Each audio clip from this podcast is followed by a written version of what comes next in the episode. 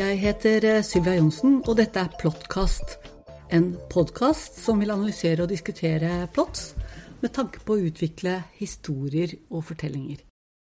Jeg skriver nemlig manuskripter for film, prosa og TV-serier for min egen glede. Eh, du kan si dette er min viktigste hobby. Jeg vil ta for meg en plott og lære mer å skrive og finne drivkraften bak eh, den historien som jeg ønsker å fortelle. Målet er å forstå hvordan vi mennesker reagerer når vi møter en truende virkelighet, og hvorfor litteratur og diktning finner sine røtter i kultur, og hva som møter oss i hverdagen. Jeg vil stille spørsmål om hva som skjedde med kontrakten tre boligsameier angivelig inngikk med Selvåg prosjekt Samspillavtalen hadde en kostnadsramme på 74 millioner kroner, når tre styreledere ville etablere et fjerde sameie på Tokerberget i 2018, for deretter å rive og bygge nytt garasjehus.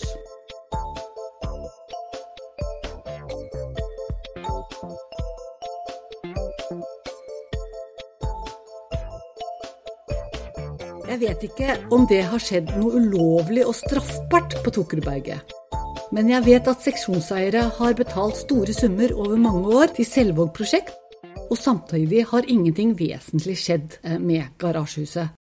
Jeg er ikke jurist, og jeg kan ikke si sikkert om samspillavtalen er ugyldig eller gyldig, men vi vet at den ble delvis nedstemt på årsmøtet, som tre styreledere i tre sameier valgte å holde samtidig i samme sal og med samme agenda på Rommen scene 23.10.2018. Jeg vet heller ikke om hvor mye penger prosjekt har tjent på samspillavtalen, eller hvor mye sameiet har betalt dem på en kontrakt som mest sannsynlig ikke er gyldig. Styreledere nekter innsyn i alt som har å gjøre med prosjektet de startet. Regnskap er vanskelig for mange. Jeg er økonom, men regnskap som vil skjule hemmeligheter, gjør det selv for økonomer.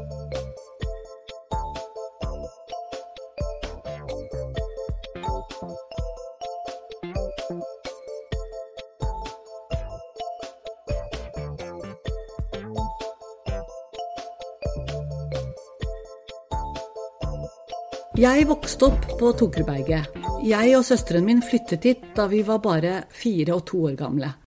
Og i dag eier vi leiligheten vi vokste opp sammen.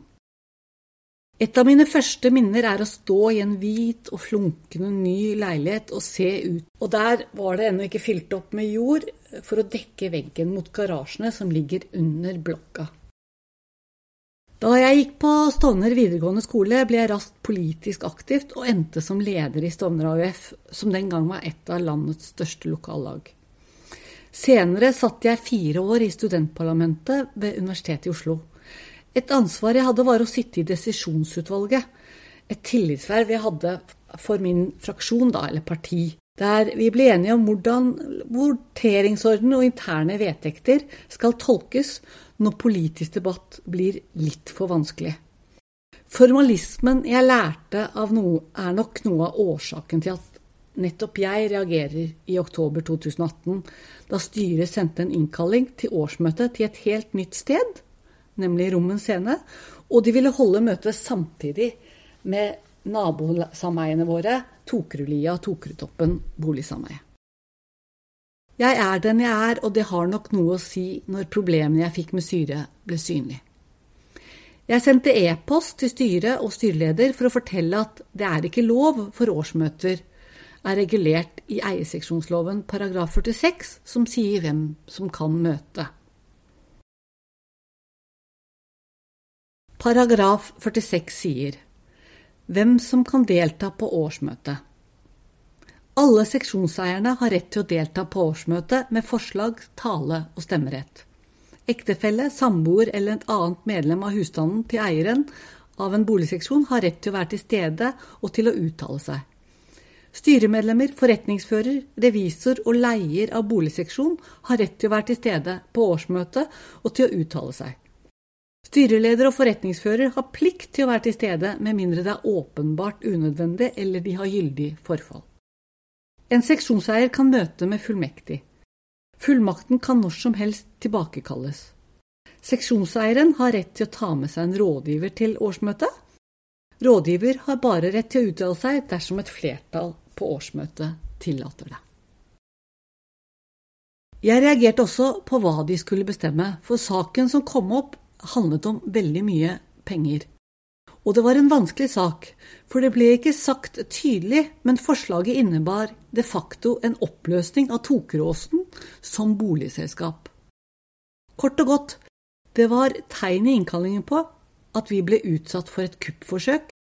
Jeg var mistroisk til de profesjonelle styrelederne i nabosameiene, begge to advokater med spesialisering i eiendom og eierseksjonsloven. Og jeg ville advare styreleder. Han var fortsatt bare jurist, og jeg fryktet en smågutt i dette selskapet.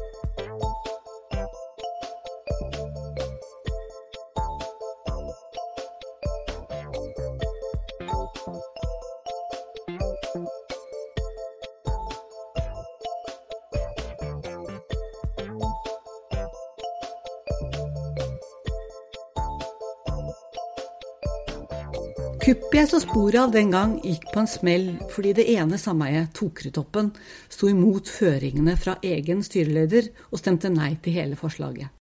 Han var møteleder også for de to andre, og det var de som kjente han best.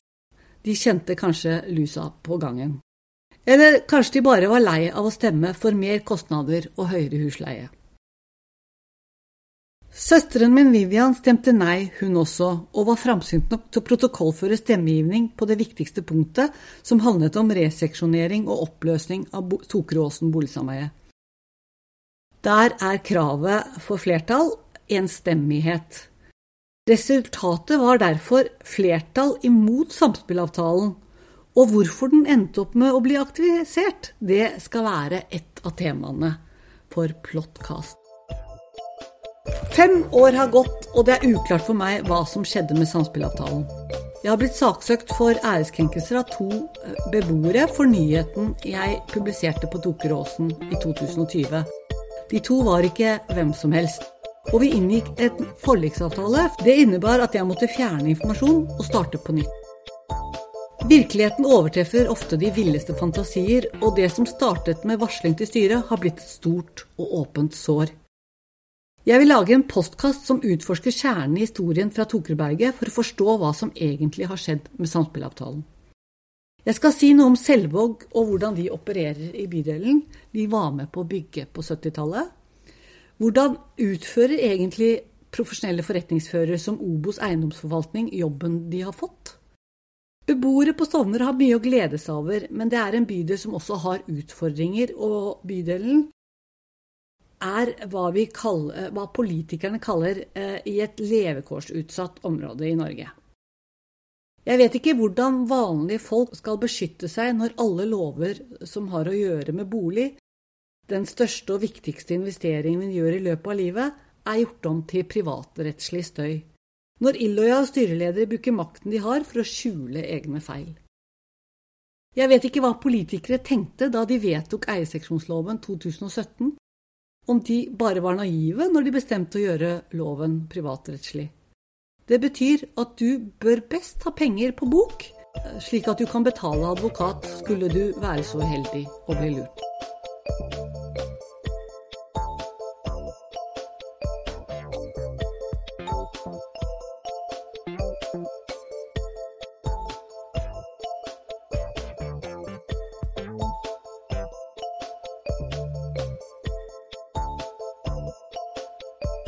Hvis du er interessert i å lære mer om plott og fortelling med utgangspunkt i virkelige hendelser, abonner på Plottkast. Her vil jeg, Sylvia Johnsen, utforske og stille spørsmål for å vite mer og forstå bedre hva som skjedde med samspillavtalen. Året nå er 2023, og hvis jeg angrer på noe i denne debatten som har rast siden det ble avholdt felles årsmøte på Rommen scene i 2018, er det at advarslene jeg sendte til styret kanskje var i en belærende tone. Jeg hadde allerede oppdaget at styreleder var fersk og ikke spesielt god i formalistiske krav til hvordan årsmøter og vedtak skal foregå. Jeg var litt sånn død, du må forstå at dette er et, ikke er et gyldig årsmøte. Ingenting dette møtet vedtar er gyldig, og det må du da forstå. Men han forsto ikke det, og sannheten er at Selvåg prosjekt av den grunn delvis lykkes i dette åpenbare forsøket på å kuppe beslutningen og selge samspillavtalen. En avtale de fikk signert, uten anbud og åpenhet rundt prosessen.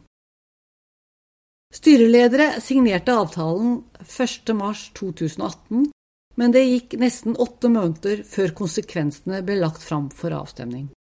De kalte det et årsmøte, og jeg skal komme tilbake til det. Styreledere hevdet at to sameier oppnådde flertall i saken for å bygge nytt garasjehus. Vedtaket var å bygge et garasjeanlegg i tre etasjer, og seksjonseieren skulle ta et lån for å dekke sin andel av 74 millioner kroner. Det ble gjort en midlertidig tilslutning til å opprette et fjerde garasjesameie i framtiden. Det skulle ta imot disse pengene og gjennomføre prosjektet. Detaljer som vedtekter og organisering var ikke klart. Mye er fortsatt ikke klart, og jeg skal se på disse hendelsene fra virkeligheten når jeg setter søkelys på plots i fortellinger. Jeg heter Sylvia Johnsen, og jeg vil grave meg ned i et plott som trekker inn tre boligselskaper på Tokerudberget og til sammen 633 seksjonseiere i en investering som vil koste minst 74 millioner kroner. Fem år etter så har jeg god grunn til å tro prosjektet har passert 100 millioner. Jeg er ikke jurist, jeg har studert litteraturvitenskap. For meg er det interessante i historien fra Tokeråsen boligsameiet, dramaet bak konflikten og mysteriet rundt samspillavtalen, som ingen lenger snakker høyt om, men som likevel åpenbart har mye å si. Plottkast vil grave i hva som skjedde, og hvis du vil være med på den ferden, så er det bare å abonnere. Nye episoder følger.